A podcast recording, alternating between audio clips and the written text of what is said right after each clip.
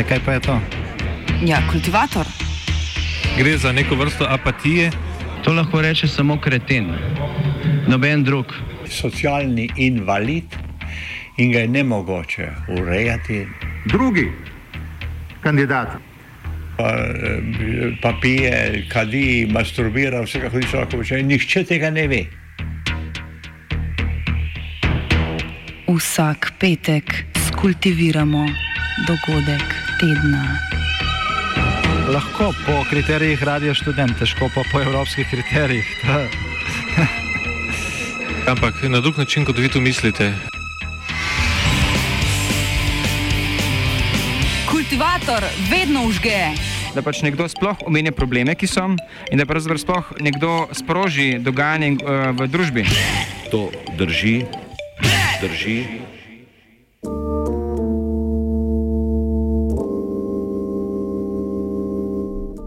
Belorusija v sendviču.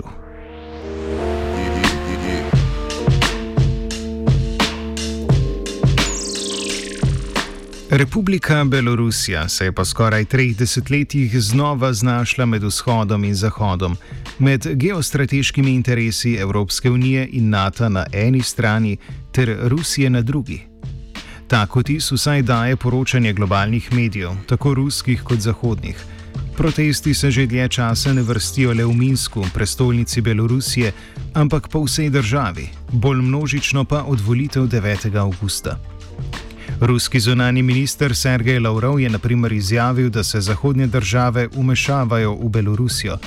Nemška kanclerka Angela Merkel je po drugi strani previdneje pozvala ruskega predsednika Vladimirja Putina naj vojaško ne intervenira v sosednji državi, s katero je Rusija sicer že leta 1996 sklenila tako imenovano državno unijo.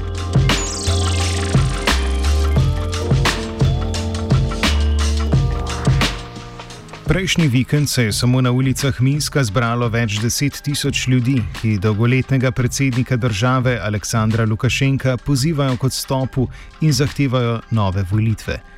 Bolj množično udeležbo na protestih, po ocenah primerljivih z mobilizacijo ljudstva ob razpadanju Sovjetske zveze leta 1991, je spodbudila nasilna reakcija policije in zamaskirancev. Več protestnikov naj bi tako zaradi posredovanja represivnih organov celo izginilo. V zadnjem tednu so se protestom s stavkami pridružili tudi delavci v nekaterih državnih tovarnah, medtem ko je opozicija sindikate pozvala k organizaciji splošne stavke.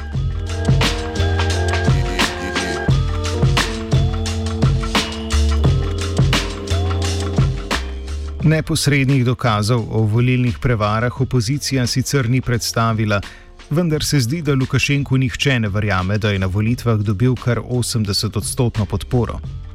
Opozicija, katere simbol je postala Svetlana Tihanovska, še pred meseci neznana figura, je medtem formirala koordinacijski svet, v katerem so predstavniki politike, civilne družbe in sindikatov.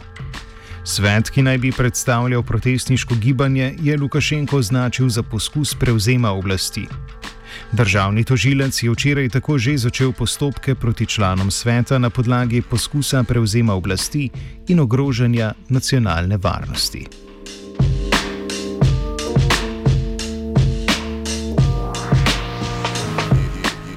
Tihanovska, ki je pred pregonom zbežala v sosednjo Litvo, je po volitvah podobno kot Lukašenko razglasila prepričljivo zmago. To je utemeljila s pomočjo elektronske aplikacije, na katero so voljivci lahko naložili fotografijo svoje glasovnice. Vendar ni načina, kako bi lahko ugotovili, koliko tistih, ki so dejansko volili, je na aplikacijo naložilo svojo glasovnico. Kljub temu je Tihanovska Evropska unija pozvala naj rezultatov volitev ne prizna. Predstavniki držav članic so na srečanju Sveta Evropske unije sklenili, da unija volitev ne priznava. Poleg tega so obsodili policijsko nasilje nad protestniki in obljubili uvedbo sankcij proti posameznikom odgovornim za nasilje, represijo in volilne prevare.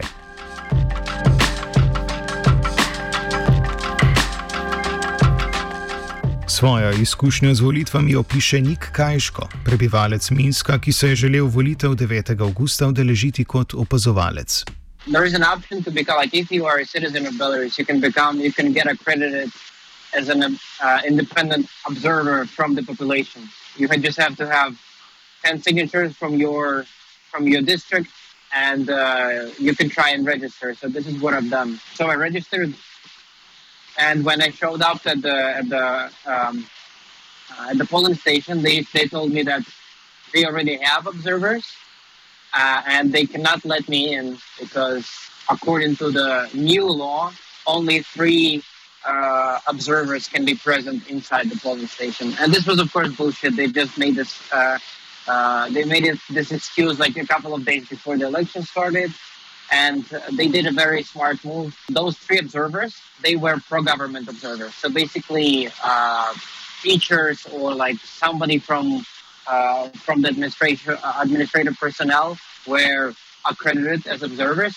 and they got into the list the very second uh, the the list was created. So there was no way to get inside the poll. So I mean, you could I I, I could enter the poll uh, in the morning and in the evening, but um, the rest of the time I I was kicked out. I was kicked out, and they were like uh, threatening with uh, that they will um, they will cancel my accreditation. They will um, call the police, and they had no right to because I'm an accredited observer. So I had to observe and count the, the, the voter turnout uh, basically outside the building, which is also fine. But of course, it's it's uh, it's not it's not a fair and transparent way to, to count the votes. Lukašenko tokrat sicer ni dovolil prisotnosti tujih opazovalcev pri volitvah. Nekaj indikatorjev volilnih nepravilnosti povzame Kajško. There was a, a system in place where uh, where you can upload your uh, I think you call it uh, your bulletin. Uh, so like the the paper where you where you uh, where you voted, you can upload it to the internet, and the platform will will count all the um, all the uploads and uh, give you like an alternative results. Yeah, so this system was not from the government; this was from the opposition, and the government was trying to do everything in order to let the system be in order for the system not to work. What I what what I specifically noticed was that on my uh, uh, on my on my polling station there were oh, like almost hundred percent, if not more, uh, voter turnout was recorded, and uh, which is almost impossible. Uh, and then also there were like statistically when they announced the results, statistically it was it was impossible just from my gut feeling. But then uh, the the platform it's called uh, Voice, the platform where we um, have the alternative uh, uh calculations, right? So this platform then can confirm that uh, they have um, rigged the elections in favor of of the current president. Nejasnosti v volilnem procesu so bile bolj povod, kakor razlog za to, da so se množični protesti proti Lukašenku zgodili ravno zdaj. Že sam dogodek volitev je ostankom opozicije, ki jo je dolgoletni predsednik pred volitvami do dobra zdesetkal, služil kot povod za pozive k protestom. Čeprav so interesi elit lahko povezani tako z Zahodom kot vzhodom, protestnikov to ne zanima. Več Marija Rohava iz Minska, raziskovalka na Univerzi v Oslu. It's important to see this process a bit away of geopolitical lenses, I would say, because the process in itself had uh, intention or it, it, it is aiming at uh, a different uh, a domestic change the domestic change in uh, having free and fair elections and as well to stop police brutality and release political prisoners so it's a, it's really a domestic issue here at stake rather than any kind of geopolitical or or changing any kind of internal or, or foreign policy orientation basically Podobno poudarja tudi Kajško. I mean, we have historically very strong connections with Russia, right?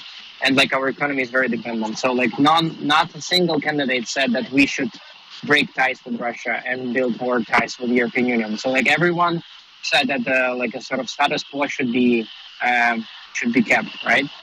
And then if you talk about the protests uh, which which erupted, there is also no like if you look at the demands which which we the protesters uh, set out to the government, it has nothing like there is not a single hint uh, about uh, any affiliation uh, with any of the parties, right?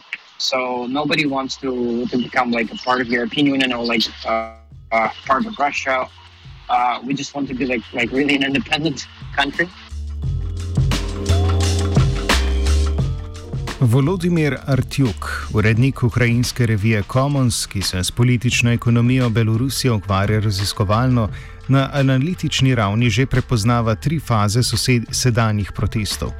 Prva stopnja se je začela že pred volitvami, ko so kandidati mobilizirali svoje volilne podpornike.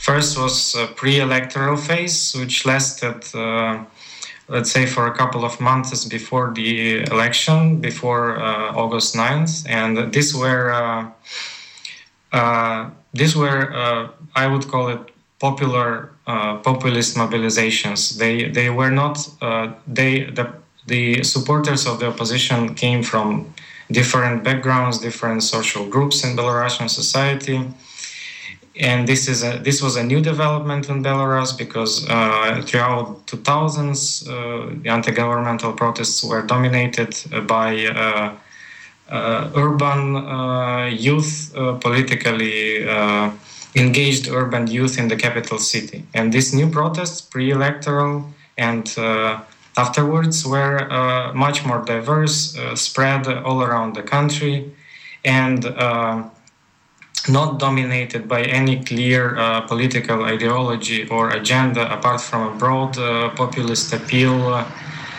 uh, to uh, gain more voice, uh, to, to have uh, the people's voice heard, um, and to basically get away from authoritarian centralized rule led by, by this president. Druga faza, v kateri se je kot nekakšen simbol protestov predstavljala Tihanovska, je sledila po volitvah. Predictably, the results of the elections uh, turned out in favor of the president, 80%, and nobody believed the results. Uh, the electoral uh, fraud was massive, uh, and a lot of uh, participants of the protests were also. Uh, uh, observers the polls, so they saw the, the, the actual vote.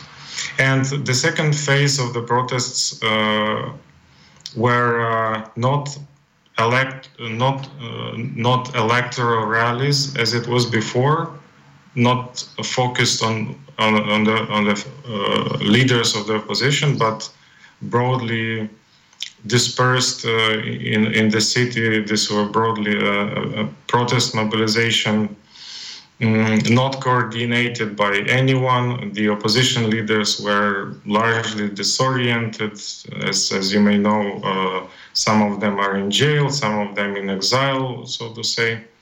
So the second phase was this uh, amorphous uh, mobilization of large crowds of protesters uh, on uh, August, uh, on the night of August the 9th, uh, and uh, until August 13, this night night mobilizations in Minsk and many other cities and towns that were met with unprecedented, uh, very harsh uh, police repressions. I would call it police terror. Tretja stopnja protestov, v kateri so se mobilizirali tudi delavci nekaterih državnih tovarn, se je začela pred kratkim.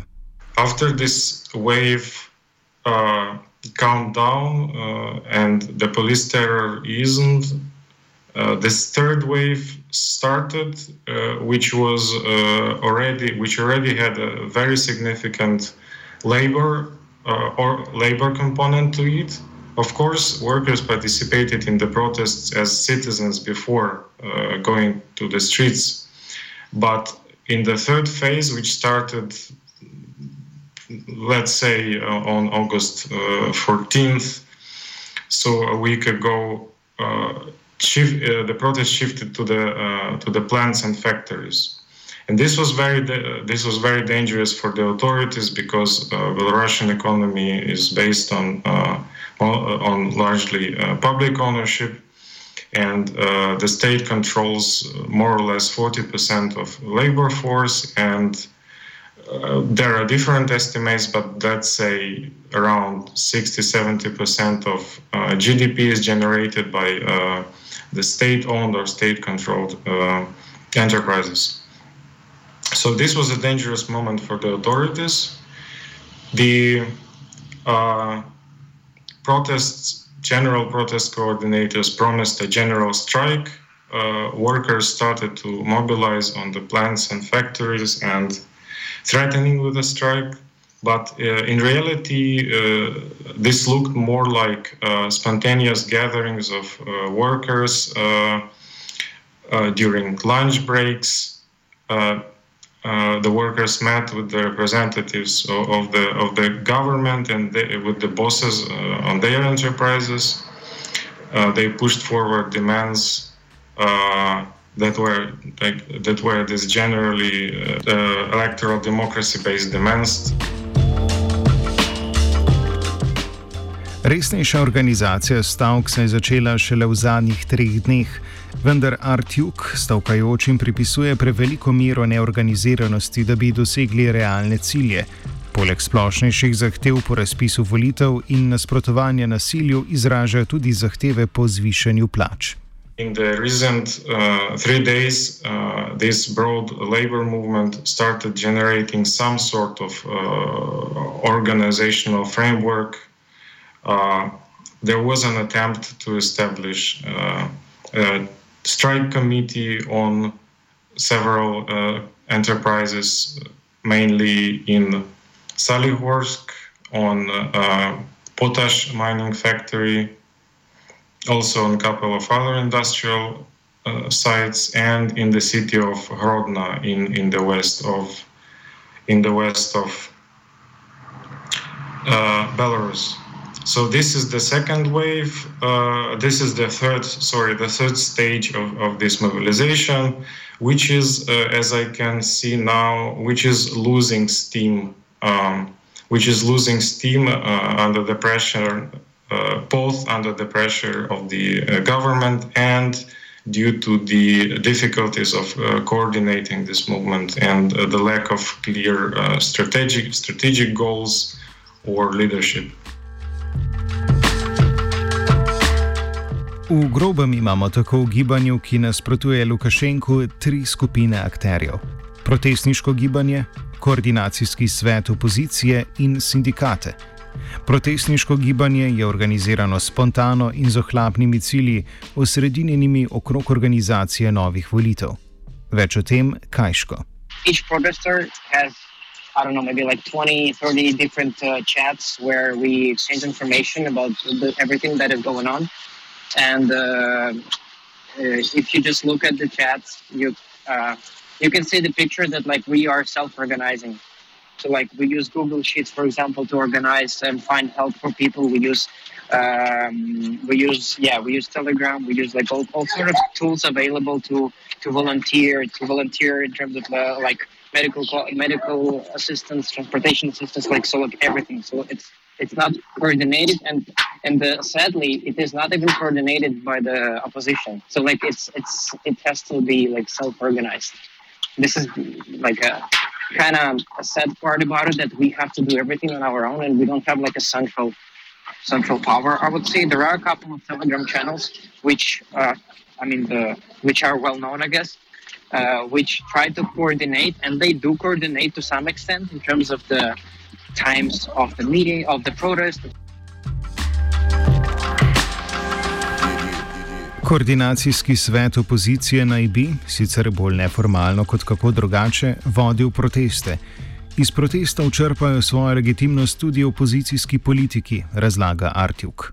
They are feeling the slot uh, of popular discontent, right? So that's why they lead. They have this kind of legitimacy, but they don't have, they don't have, um, uh, so to say, practical uh, organizational legitimacy or democratic legitimacy. They, they, they, were not really elected on some sort of popular councils or I don't know what. Uh, they uh, can lead in a broad sense, calling for mobilizations or trying to restrain mobilizations or uh, trying to um, propose some slogans which people then uh, uh, which people then take over and this was largely successful. This broad mobilization was largely successful, but I think it's not enough. Uh, I, I, think it's not enough to uh, achieve any political goals uh, so far. Uh, next upsurge may happen this weekend, and it's hard to predict what it would look like. Mm, but I don't. Uh, I don't predict. I don't predict um, another major wave of, of protests uh, as we saw a week ago. Stavke prav tako ločeno vodi več različnih sindikalnih central, zato o pravi splošni stavki v tem trenutku ne moremo govoriti. Strukturo odnosov med vsemi tremi skupinami skuša pojasniti Artjuk. The general protest, which, which is supposed to be represented by this uh, opposition council, um, also doesn't have a clear uh, political leadership. This this uh, coordination council is not really um, how to say demo- doesn't really have democratic legitimacy. Although he probably probably has some broad ideological legitimacy, so to say, but the members of this council were picked uh, on some random basis behind the closed doors there is only one uh, representative uh, of the labor movement there. At the same time, the, uh, the labor movement itself has uh, very loose uh, coordinating uh, structures. Um, there are at least three um, initiatives that call themselves strike committees. This is all aggravated by the increased pressure from the state uh, against the workers. So, as I mentioned, some of the members of existing strike committees have been uh, have been uh, detained. Uh, I also know that there is pressure on uh, separate uh, enterprises with the management threatening threatening to fire workers who participated. Lukašenko je predsednik Belorusije vse od leta 1994. Od leta 1991 do leta 1995 je Belorusijo pretresal stavkovni in protestniški val. Ne na zadnje so prav sindikati pomladi in poleti 1991 močno prispevali k dezintegraciji sovjetske oblasti v Belorusiji. Lukašenko je leta 1994 zmagal na volitvah z obljubami o koncu množičnih stavk in stabilizaciji državnega gospodarstva. Za razliko od večine postsocialističnih držav Belorusije pod Lukašenkom, nikoli ni zajela divja privatizacija, kar je prispevalo k relativno visoki stopnji enakosti med državljani. Tudi zato je Lukašenko tako dolgo užival podporo.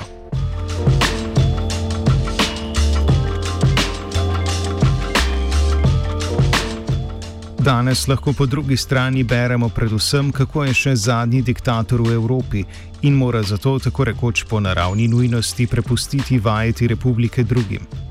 Vendar še tako hud diktator, kot naj bi bil Lukašenko, poleg zvestega represivnega aparata, potrebuje določeno podporo ljudstva ali pa vsaj vtis podpore.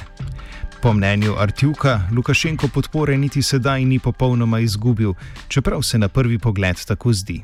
I think it would be an exaggeration to say that he's completely unpopular uh, because there is a core of his of his supporters, people who, whose interests are linked to the state, uh, which he uh, which Lukashenko is basically.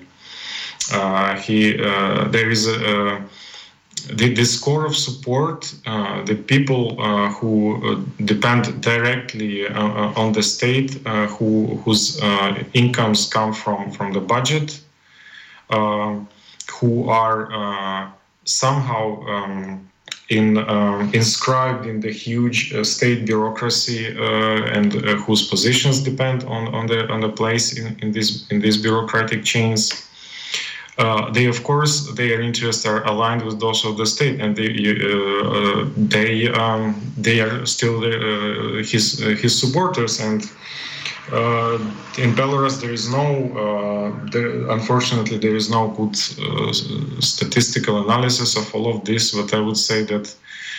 Uh, these these core uh, supporters they would be around uh, 30 percent 30% of the population plus or minus 10 the peak of his support i would say was in probably mid 2000s uh, when uh, the uh, economic growth was very fast, one of the fastest in in so whole of Eurasia and uh, people gained their share of the uh, of the income. Uh, Belarus was uh, uh, the most uh, country with the with the highest equality in post, in post-Soviet space. it also was not a poor country. Um, so this this kind of pragmatic legitimacy, I, I, would call it a, a pragmatic legitimacy rather. so people ha- knew that their interests are taken into account, not directly, not democratically, but still take, taking into account. Uh, uh, it was a sort of passive democracy, right? So, uh, and um, that that what uh, held uh, held the, the Belarusian political system. Razloge, zakaj je začela podpora Lukašenku padati prav zdaj, lahko hitro najdemo v aktualnih dogodkih. več ruhava. They still value uh, the role of election in changing the government. Uh, and I think this uh, presented an opportunity for uh, public mobilization in this uh, critical moment. Uh, what we have to look at what what allowed such a solidarity and what allowed such a significant movement to to ignite a, a political protest in, in, the current circumstances. And there are multiple causes for that. People are much more connected to uh, to the internet. Uh, they're much more uh, they're relying much more on independent sources, uh, including uh, local sources that uh, present them local content on politics in Belarus. second, they are much more mobile internationally, so they are able to see different political systems and uh, this is why also this could also create the demand for a democratic system. Um, additional elements could be the, uh, the response of the government to COVID, uh, which has been already discussed before, but I, I, think it was also an igniting factor in this situation. Uh, it also is uh, the creation of different uh, solidarity and bottom-up civil uh, um, civil support of uh, different initiatives that present that gave confidence to to rely on domestic sources, to rely on domestic uh, framework of cooperation and solidarity. it also played its role. Artjuk po drugi strani vidi globlje vzroke za nasprotovanje Lukašenku. But then, uh, after uh, 2011, uh, when a financial crisis happened, Belarusian economy slowed down, and in the recent years it was stagnating. And uh, of course, this pragmatic legitimacy uh, dropped. Uh, yeah, and people started uh, people started feeling insecure and started looking for ways out uh, of this impasse. Uh, the carrot uh, grew smaller, but the stick didn't diminish, so it also contributed to the to this uh, grievances. Mm. And now, recently, we see the pro Lukashenko rallies in, in Belarus, of course, one can claim that they are uh, bureaucratically organized, that people are threatened to go there. But, uh, well, if you look at them, you still see genuine uh, expressions of, of, of not only support for the government, but fear, uh, fear of changes, fear of losing uh, what people have. Protesti so že povzročili krhanje Lukašenkove vladavine, vendar so odpadi omejeni na manj pomembne funkcije. They will uh, try to keep a hold of all people who are within their kind of closer circle of security apparatus or security forces. And there are things that defection will, for them will be quite costly at this moment. So uh, at this moment, I don't see, um, I can't really see that uh, there are, they are fragmented or in any way threatened. Težava tistih, ki odpadejo od voditelja, je namreč, da znotraj države težko najdejo dovolj močne zaveznike, na katere bi se lahko oprli. Beg Tihanovske iz države je pomenljiv. A lot of journalists resigned from uh, the state uh, television and state, uh, state media corporations. A lot of uh, so called militia, policemen resigned.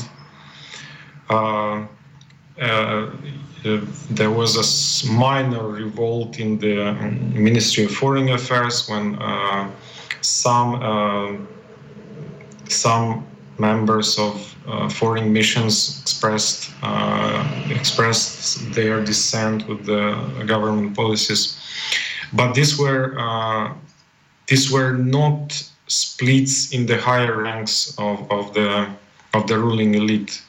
Uh, these splits are not visible, uh, are not visible yet. Um, uh, this whole electoral thing started with a, with, with, a, with something that that reminded the split because the first two candidates that are one of them is in jail, one is in exile they were uh, part and parcel of the ruling elite uh, since uh, one since the 90s, the other since 2000s. And it was a signal to the population that the split is possible and it may lead to major structural changes. But this never happened. Uh, uh, first, because the elite has nowhere to defect, there are no um, uh, there are no uh, uh, strong sen- opposition centers that would show resources, that would show material and organizational resources on which these uh, defectors would rely. Prav tako se zdi, da ima Lukašenko močno podporo represivnih organov. Kljub pozivom opozicije naj policija prestopi na stran protestnikov, je to za zdaj malo verjetno. Uh, the lower ranks uh, would remain largely loyal because uh, they have uh, everything to lose from defection and they have uh, a lot to gain from staying. Um, the lower ranks uh, are recruited uh, from uh, from largely provincial towns, and they have um, they have a huge uh, welfare package, and uh, so it's uh, of course it's it's very it's very risky for them for them to do anything. So so far, so that's why so far we haven't seen defection en masse. Uh, the higher ranks are uh, well uh, integrated into into the elite. some of them occupy higher posts in the government, and and they have also nowhere to go so far. Um, they they also um, okay, there are no oligarchs in Belarus, so there are no strong, uh, uh, there are no rich business people who would have political uh, claims. Uh, so there, there, there is no one who would promise them anything, right? Čeprav torej predstavniki držav Evropske unije povdarjajo, da bi morala Belorusija svoje predstavnike izbirati sama, je vprašanje, ali bi lahko Lukašenkovi nasledniki vladali brez podpore sosednjih vele sil. Če tudi bi si države jedrne Evrope morda želele imeti večji vpliv na to, kdo bi lahko nasledil Lukašenka, se bodo na zadnje morale sprijazniti z dejstvom, da lahko isto igro in to veliko potrpežljiveje igra tudi ruski predsednik Vladimir Putin. Kljub vsem svarilom pred rusko intervencijo ta pravzaprav ne bi imela smisla. Throughout this couple of days of uh, a flurry of phone calls between uh, Putin and, and uh, various European leaders, uh, there was a sort of agreement reached uh, that um, Europe uh, will not do any any unpredictable moves. The European reaction to what happened in Belarus was rather mild.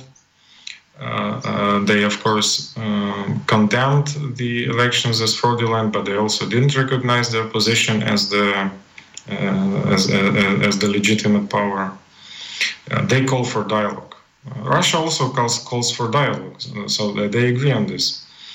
Uh, what what what dialogue is that and between whom uh, for for Russia it's not clear yet uh, I follow Russian media somehow and it doesn't seem that they have a clear line they uh, they they may be even quite sympathetic to the protesters um, I think for some time Russia will wait out see what happens because they are they're not super happy with Lukashenko. He wasn't very loyal recently, and they they're interested in seeing him weakened. Uh, otherwise, they they may put eggs in different baskets and start negotiations with someone from the opposition, but it's not clear whom, because there is no string, strong leadership. There, there is simply no one really to talk with. But I'm sure some negotiations are going on. So they will wait and see I don't think there, there will be some uh, major intervention soon. So they will be happy with either weak Lukashenko or a fairly loyal uh, su- successor. Kultiviral je Martin.